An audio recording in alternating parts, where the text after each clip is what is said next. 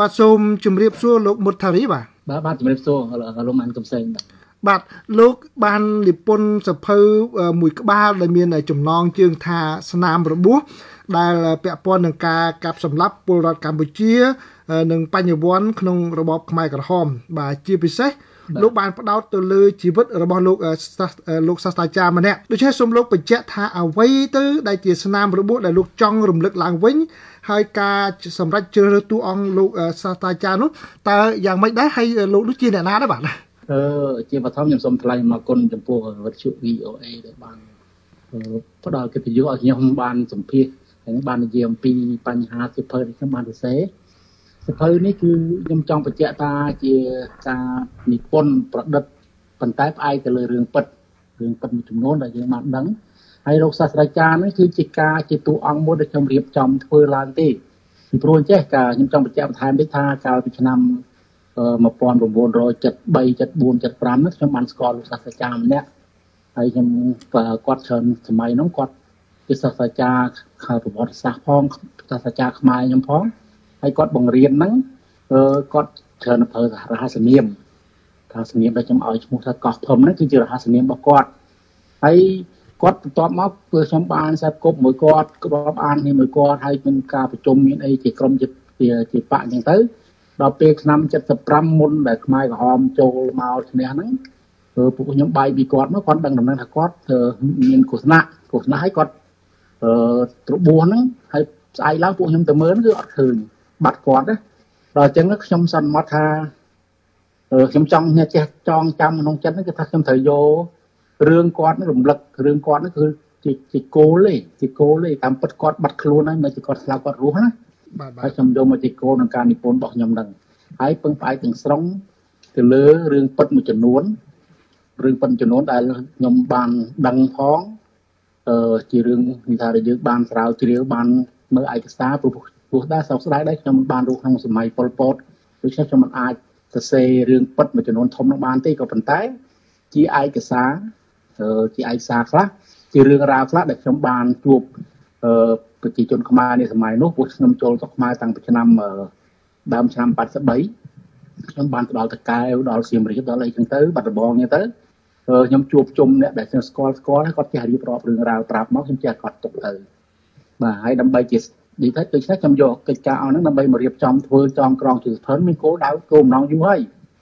គោលបំណងយូរហើយក៏ប៉ុន្តែខ្ញុំអត់មានពេលនិយាយថាសរសេរវាមិនចេញផងសេទុកសេទុកចឹងទៅដល់ពេលមួយអឺប្រហែលខែមុនហ្នឹងខ្ញុំក៏ចាប់ដើមសរសេរបញ្ចប់ហ្នឹងក្រងចង់ថតជាវីដេអូទីក៏ប៉ុន្តែក្រោយមកក៏នឹកឃើញហ្នឹងមុនសរសេរវីដេអូខ្ញុំរៀនសរសេរប្រឡំលោកបដៅទៅព្រោះទម្លាប់របស់ខ្ញុំខ្ញុំច្រើនសរសេរជាសេណារីយ៉ូកុនអញ្ចឹងខ្ញុំក៏សរសេរជាវីដេអូអសាសរសេរជាប្រឡំលោកសាមើលទៅ ហើយក៏ចេញបានរូបរាងប៉ុណ្ណឹងហើយរឿងហ្នឹងគឺនិយាយខ្លីគឺវាមានពិតដែលខ្ញុំរៀបរាប់ហ្នឹងគោលដៅរបស់ខ្ញុំចង់និយាយពីថាសោកនាដកម្មមួយដែលគេបំភ្លេចគេបំភ្លេចមិនចង់ឲ្យគេបំភ្លេចថាវាឥឡូវហ្នឹងយើងយើងគិតថាអ្នកខ្លះគេអាចភ្លេចហើយព្រោះយើងដឹងមកមានហេតុផលចំនួនដែលសរសេរជាសភៅមកច្រើនជនជាតិបរទេសគេសភៅគេសរសេរអំពីសោកនាដកម្មនៃសម័យសម័យប៉ុលពតហ្នឹងហើយបើយើងបើ ចំពោះប្រជាជនខ្មែរយើងវិញដែលមានចំនួន5 6លានអ្នកដែរយើងយើងគិតមើលទៅដូចវាវាតិចណាទោះបីការរំលឹកមានអ្នកខ្លះក៏រំលឹកសរសេរមកដូចវាមានតិចណាហើយខ្ញុំក៏កើតកំណត់នោះស្ទេរឿងហ្នឹងទៅបាទបាទសូមអរគុណលោកច្រើនបាទបានរៀបរាប់មុននឹងខ្ញុំចូលទៅបន្តពីពាក់ព័ន្ធនឹងសុភ័ណ្ឌហ្នឹងលោក ដោយលោកបានរៀបរាប់ពីខាងដើមបន្តិចចឹងគឺលោកភិកច្រើនបើសរសេរជាសេណារីយ៉ូភាពយន្តទេបាទលោកផលិតភាពយន្តច្រើនប៉ុន្តែលើកនេះជាជាការសរសេរសភៅលើកដំបូងរបស់លោកមានការខុសប្លែកគ្នាយ៉ាងម៉េចមានការលំបាកយ៉ាងម៉េចដែរបាទអឺវាជាការលំបាកបាទការលំបាកត្រង់ថាកាលណាយើងសរសេរជាសេណារីយ៉ូកុនយើងច្រើនចាប់ផ្ដើមឡើងយើងគិតថាថាបើយើងសរសេរគាត់ក្រងថាងនៅកន្លែងនឹងមួយមានភ្នំមានព្រៃភ្នំអីចឹងយើងគិតថាយើងគិតថាព្រៃភ្នំហ្នឹងកន្លែងហ្នឹង យើងអាចទៅថតកន្លែងហ្នឹងបានរៀបចំបានអញ្ចឹងទៅណាដូច្នេះដល់សេជាប្រឡំលោកយើងត្រូវរៀបរាប់យ៉ាងម៉េចឲ្យអានហ្នឹងហាក់ដូចជាឃើញរូបភាពពិតចឹងបាទអញ្ចឹងយើងពិបាកពិបាកឲ្យខ្ញុំនិយាយឲ្យនិយាយរួមមកខ្ញុំមានការលំបាកខ្លាំងហើយក៏មានការឆ្គំឆ្គងច្រើនដែរក្នុងការសរសេរហ្នឹងប៉ុន្តែចេះពុះពៀមានការជំរុញពីមិត្តភ័ក្តិជាពិសេសមិត្តភ័ក្តិដែលគាត់ស្រឡាញ់រាប់អានហ្នឹងក៏ចេះទៅសេ ទៅបង្កើតបានជាសភៅនឹងមួយទៅបាទបាទបាទសូមអរគុណលោកច្រើនបានហ្នឹងហើយរវាងគេហៅថារូបភាពហើយនឹងការរៀបរាប់ឲ្យចេញជារូបភាពហ្នឹងគឺវាវាខុសគ្នាច្រើនមែនតើហើយហ្នឹងវាត្រូវចំណាយពេលគិតនឹងរៀបរាប់លម្អិតដល់ចំណុចមួយមួយអឺងាកមកភាពសិភៅប្រឡោមលោករបស់លោកវិញម្ដងគឺ លោកបានលើកឡើងពីចំណុចដែលលោកសាស្ត្រាចារ្យនោះបានយកក្មេងកំព្រា3នាក់មកចិញ្ចឹមហ្នឹងហើយដូចជាកូនបង្កើនអញ្ចឹងហើយនៅពេលក្រោយមកវាចិត្តបញ្ចប់សិភៅហ្នឹងគឺលោកសាស្ត្រាចារ្យហ្នឹងគាត់ដឹងខ្លួនឡើងវិញបាទពេលគាត់ត្រូវគេសម្លាប់ហ្នឹងឲ្យមិនស្លាប់ហ្នឹងគាត់បានភ្លេចភ្លាំងហើយនៅចុងបញ្ចប់រឿងហ្នឹង គាត់ដឹងខ្លួនឡើងវិញដូច្នេះតើរវាងពេលដែលគាត់នៅមិនដឹងខ្លួន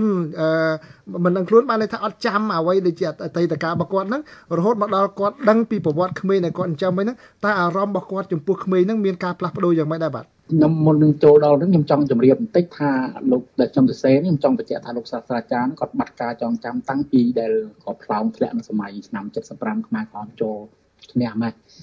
ឆ្នាំថ្ងៃ17ឬ16មេសាហ្នឹងគាត់ក៏ប្រងធ្លាក់ក្បែរខ្លួនគាត់ហ្នឹងគាត់ក៏ស្លាប់ទៅហើយគាត់ដឹងខ្លួនហើយបាត់ការចងចាំគេក៏ចលះគាត់ចេញមកហើយគាត់មករស់ក្នុងសម័យមកក្រមគាត់ចេះរស់មួយគេមកឯងទៅតស៊ូរស់រស់ទៅគឺថាដោយមិនបានចងចាំថាគាត់ជាអ្នកណាគាត់ដូចថាភ្លេចការបាត់ការចងចាំ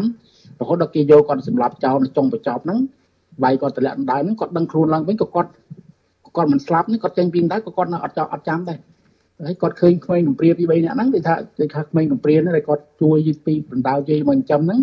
គឺថាក្នុងអារម្មណ៍មួយដែលគាត់គិតថាគាត់មិនចាំហើយគាត់តែឯងដូច្នេះគាត់ចេះពុះពៀជួយចិញ្ចឹមទៅសំខាន់មួយទៀតខ្ញុំចង់បញ្ជាក់ចង់បញ្ជាក់តែចេះថាលោកសាស្ត្រាចារ្យគឺបាត់គាត់បាត់ការចងចាំមែនក៏ប៉ុន្តែនៅពេលដែលគាត់ឃើញរើសសភៅរឿយឃើញសភៅឃើញទៅនេះជាការប្រឌិតរបស់ខ្ញុំណាអឺគឺគាត់ហាក់ដូចមានអារម្មណ៍មួយគាត់មើលដាច់សភៅ ហើយគាត់គាត់មើលតាំងពីភាសាប្រទេសដាច់គាត់ក៏កើតចិត្តមួយថានឹងបង្រៀនគាត់បង្រៀនហើយសម័យកាលនោះដឹងស្រាប់ហើយអឺលោកដឹងស្រាប់ហើយថាអឺពេលវេលានៅឆ្នាំ79ហ្នឹងគឺ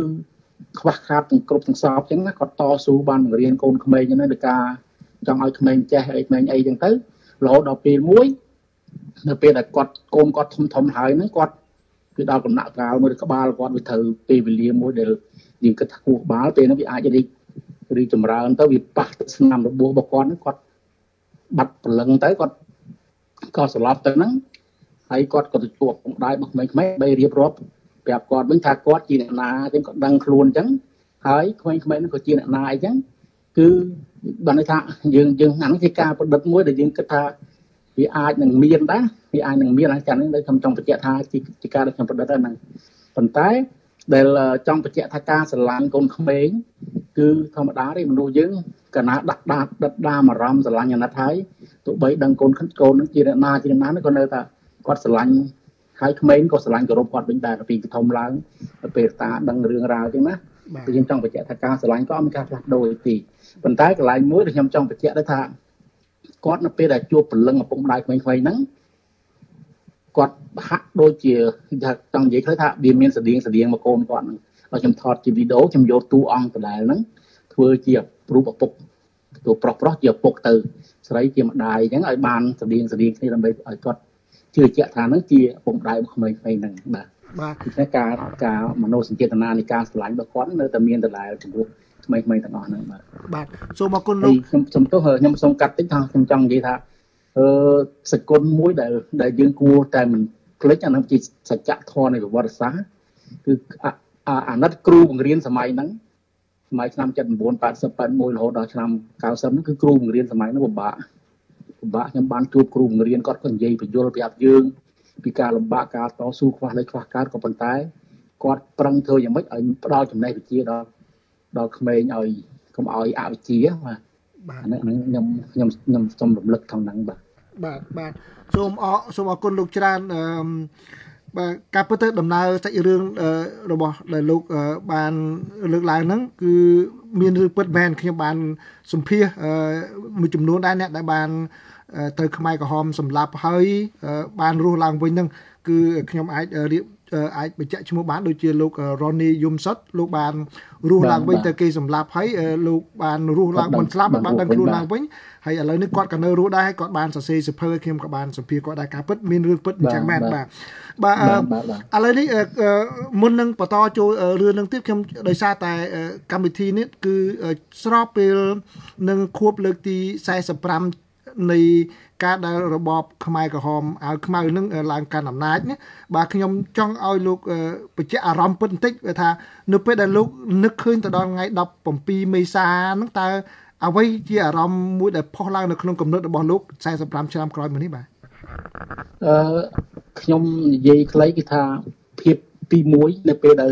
ដោះថ្ងៃ17មេសាដែលពួកម៉ៅក្រហមឈ្នះហ្នឹង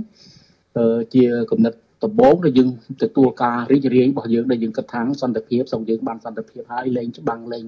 ឬសូក្របកភ្លើងលែងមានមនុស្សរបួសមានអីហ្នឹងលែងមានចម្បាំងយើងយើងអក៏ប៉ុន្តែផ្ទុយទៅវិញថ្ងៃ17មេសាហ្នឹងនៅពេលដែលគេដេញជាជាជនចេញពីភ្នំពេញគឺជាពេលវេលាដែលយើងបាក់ទឹកចិត្តយ៉ាងខ្លាំងបាក់ទឹកចិត្តយ៉ាងខ្លាំងដែលយើងថាมันគួរការសบายរីករាយខ្លះទៅជាទុកទៅជាទុកសោកអញ្ចឹងទៅវិញបាទហើយរបបមួយដែលយើងចង់និយាយថាអឺ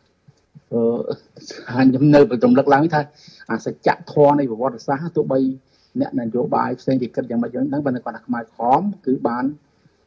ចលះប្រជាជនចេញពីភ្នំពេញគឺជានិយាយទៅជាជាអំពើអក្រិតមួយដែលយើងមិនអាចកំភ្លេចបានណាបាទបាទព្រោះជាសោកនាដកម្មជាវិនិស្សកម្មមួយធំហ្នឹងដែលអ្នកណាមាននិយាយខ្លីបើថាយើងដូចលើពិភពលោកដូចពិបាកនឹងរោណាគេដេញចលះប្រជាជនចេញពីភ្នំពេញចេញពីទីក្រុងអញ្ចឹងពិបាកបាទបាទហ្នឹងជាជា ជាការសោកស្ដាយជាការឈឺចាប់មួយដែលមិនអាចភ្លេចបានបាទបាទសូមអរគុណងាកត្រឡប់មករឿងរបស់លោកឡើងវិញហ្នឹងគឺចំណុចមួយដែលមានពិតដែរហ្នឹងគឺក្រោយពីរបបខ្មែរក្រហមបានដួលរលំទៅហ្នឹងគឺបន្សល់នៅកុមារកំព្រាហ្នឹងច្រើនបាទរហូតដល់ខ្ញុំកាន់នៅស្រុកខ្មែរហ្នឹងគឺរស់នៅភ្នំពេញហ្នឹងក៏មានគេបង្កើតជាមណ្ឌលកលាប 1 2 3អញ្ចឹងទៅដើម្បីទទួលក្មេងកំព្រាទាំងអស់នោះហើយលោកបានលើកឡើងចំក្មេងកំព្រា3នាក់ដែលលោកសាស្ត្រាចារ្យនឹងយកមកចិញ្ចឹមតើប៉ុន្តែនៅក្នុងជីវិតពិតវិញតើលោកមានដែលជួបក្មេងកំព្រាណាឲ្យផ្ទាល់ទេហើយនៅក្នុងសាច់រឿងរបស់លោកនឹងគឺក្មេងកំព្រាទាំង3នាក់នឹងគឺទទួលបានជោគជ័យក្នុងជីវិតមែនតើគឺអ្នកខ្លះរហូតដល់ធ្វើជាវិជ្ជបណ្ឌិតទៀតនោះបាទហើយបាទលោកអាចបញ្ជាក់ពីចំណុចហ្នឹងបានទេបាទ ខ្ញុំចង់បញ្ជាក់បន្តិចដែលនឹកឃើញក្មេងព្រាសម័យហ្នឹងហ្នឹងគឺថានៅក្នុងដើមឆ្នាំនៅដើមឆ្នាំ83ហ្នឹងខ្ញុំមកដល់ស្រុកខ្មែរគឺដំបូងទីពីរយៈពេលរំដោះពីរំដោះ7មករាមក79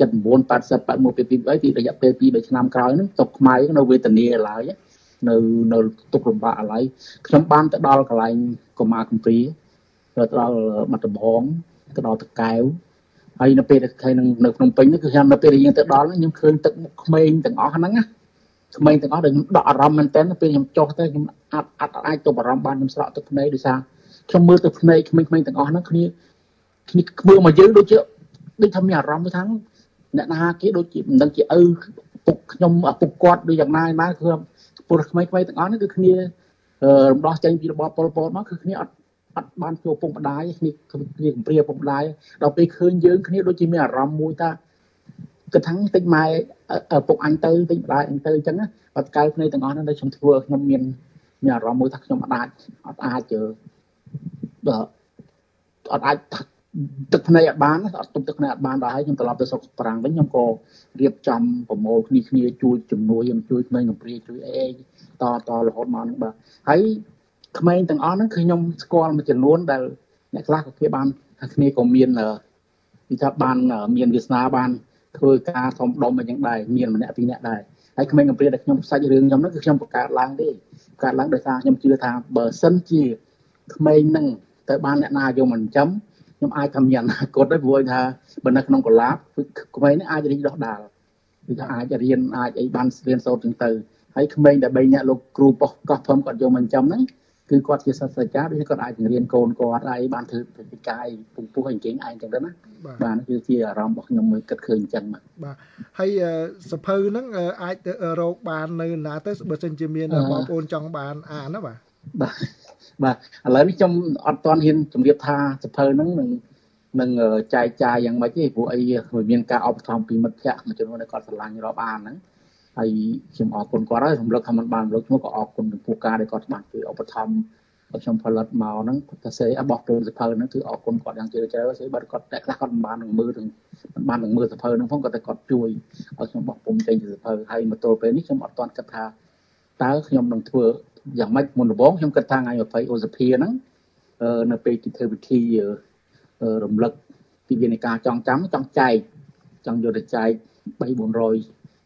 ក្បាលអីចឹងទៅចែកអ្នកដែលគេចូលរួមចែកប្រជាជននៅកូនសិស្សខ្លួនអីចឹងប៉ុន្តែឥឡូវនេះអារឿងជំងឺ Covid នេះហ្នឹងគេបាននឹងប្រពៃពិធីការបង្កើតហើយចឹងខ្ញុំពុំគិតថាតើខ្ញុំនឹងរៀបចំយ៉ាងម៉េចហើយសភៅហ្នឹងអឺនឹងចាំមើលខ្ញុំមិនតាន់ហ៊ានសន្មត់ថាយ៉ាងម៉េចណា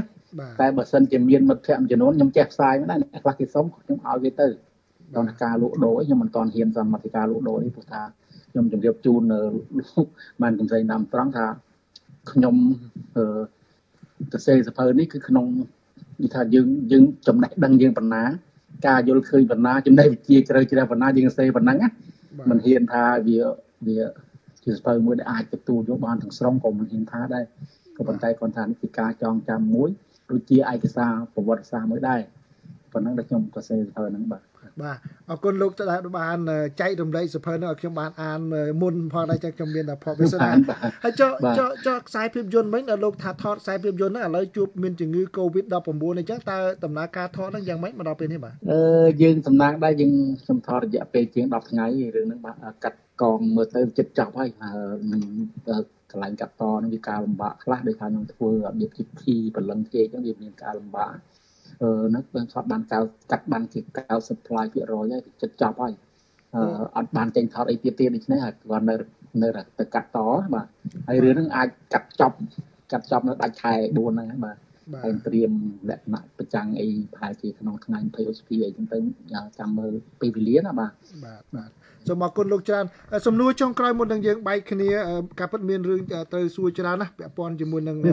អនុស្សាវរីយ៍របបខ្មែរក្រហមហ្នឹងប៉ុន្តែអ្វីដែលខ្ញុំចង់ខ្ញុំតែងតែសួរអ្នកដែលខ្ញុំសម្ភាសជានិច្ចហ្នឹងគឺសម្រាប់រូបលោកដែលជាអ្នកនិពន្ធអញ្ចឹងលោកអាចចូលរួមតាមរយៈស្នាដៃនិពន្ធនិងផលិតខ្សែភាពយន្តហ្នឹងដោយលោកបានផលិតច្រើនពាក់ព័ន្ធនឹងរឿងខ្មែរក្រហមប៉ុន្តែសម្រាប់បងប្អូនដទៃទៀតដែលមិនមានសមត្ថភាពដូចលោកតើលោកផ្ដល់យោបល់ថាពួកគេគួរតែធ្វើយ៉ាងណា ដើម្បីរក្សាការចងចាំនេះដល់ក្មេងចំនួនក្រោយនោះបាទអឺខ្ញុំដូចខ្ញុំបានរំលឹកក្នុងក្នុងអារម្មណ៍កថាក្នុងសភៅតិចដែរថាអឺគួរបើសិនយើងមិនអាចសេបានក៏ប៉ុន្តែការចងចាំរបស់យើងនៅតែមានគួរតែឲ្យកូនដឹងគួរឲ្យក្រុមគ្រួសារគឺជាចែករំលែកនៃការនៃការឆ្លងកាត់របស់យើងពីការលំបាករបស់យើងមិនក្នុងសម័យប៉ុលពតគួរតែឲ្យឲ្យចែកគ្នាដឹងណា ហើយបើសិនជាអាចសរសេរបានក៏សរសេរទៅឬក៏អាចស្គាល់អ្នកនិពន្ធណាសូមឲ្យគាត់ជួយតែងជួយនិពន្ធទៅហើយអ្នកដែលចេះសរសេរគួរសរសេរឡើងសរសេរចោលនិយាយគឺសរសេរទុកហ្មងសរសេរទុកឬក៏ថតបានថតទៅខ្ញុំគិតថាពោះខ្ញុំជឿថាអ្នកដែលគេនិពន្ធឬក៏សរសេរថតអីហ្នឹងគេគិតថាព្រោះតលមានផលចំណេញបានគេធ្វើប៉ុន្តែចំពោះខ្ញុំវាចេះលះបង់លះបង់មកច្រើនរឿងដែរហើយហ្នឹងគឺខ្ញុំគិតមិនមិនគិតថាគិតពីបលផលចំណេញទេគិតថាចំណេញចំណេញក្នុងការបន្សល់នៅឯកសារប្រវត្តិសាស្ត្រ បាទហើយអាហ្នឹងមានបណ្ដាំមានការสนំពោរបស់ខ្ញុំថាបើសិនជា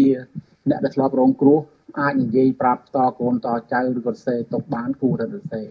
បាទព្រោះរឿងអស់នេះបាទក្នុងយើងមានហើយពិភពលោកកន្លងមកយើងឃើញនៅក្នុងប្រវត្តិសាស្ត្រស្រុកគេទោះបីយ៉ាងម៉េចក៏គេគង់គេមានច្រើននិយាយខ្លីគេមានច្រើននៅចំពោះយើងវិញអឺមានតែបរទេសក៏សរសេរហើយខ្មែរយើងសរសេរខ្លះខ្លះដែរប៉ុន្តែដូចជាមិនច្រើនមិនច្រើនបាទ បាទសូមអរគុណលោកបាទសូមបីតានៅខាង ជនជាតិ Zwift ដែលទៅបានសម្លាប់ក្នុងជំនាន់សង្គ្រាមលោកលើកទី2ហ្នឹងគឺគឺនៅតែចងក្រងមានរហូតដល់មានសារមន្ទីរដ៏ធំនៅខាងសហរដ្ឋអាមេរិកនេះផងបាទសូមអរគុណលោកមុតថារីដែលជាអ្នកនិពន្ធនឹងដឹកនាំភាពយន្តឥឡូវខ្លាយទៅជាអ្នកនិពន្ធសិភៅមួយទៀតហើយដែលជាឱកាសនេះផ្ដល់បទសម្ភាសន៍ដល់ VOA ចំខួបលើកទី45នៃការឡើងកាន់អំណាចរបស់របបខ្មែរក្រហមដែលយើងរំលឹកឡើងវិញនឹងបាទសូមអរគុណសូមជម្រាបលាលោកបាទបាទបាទសូមអរគុណសូមជម្រាបលាលោកម៉ាន់កំសែងបាទ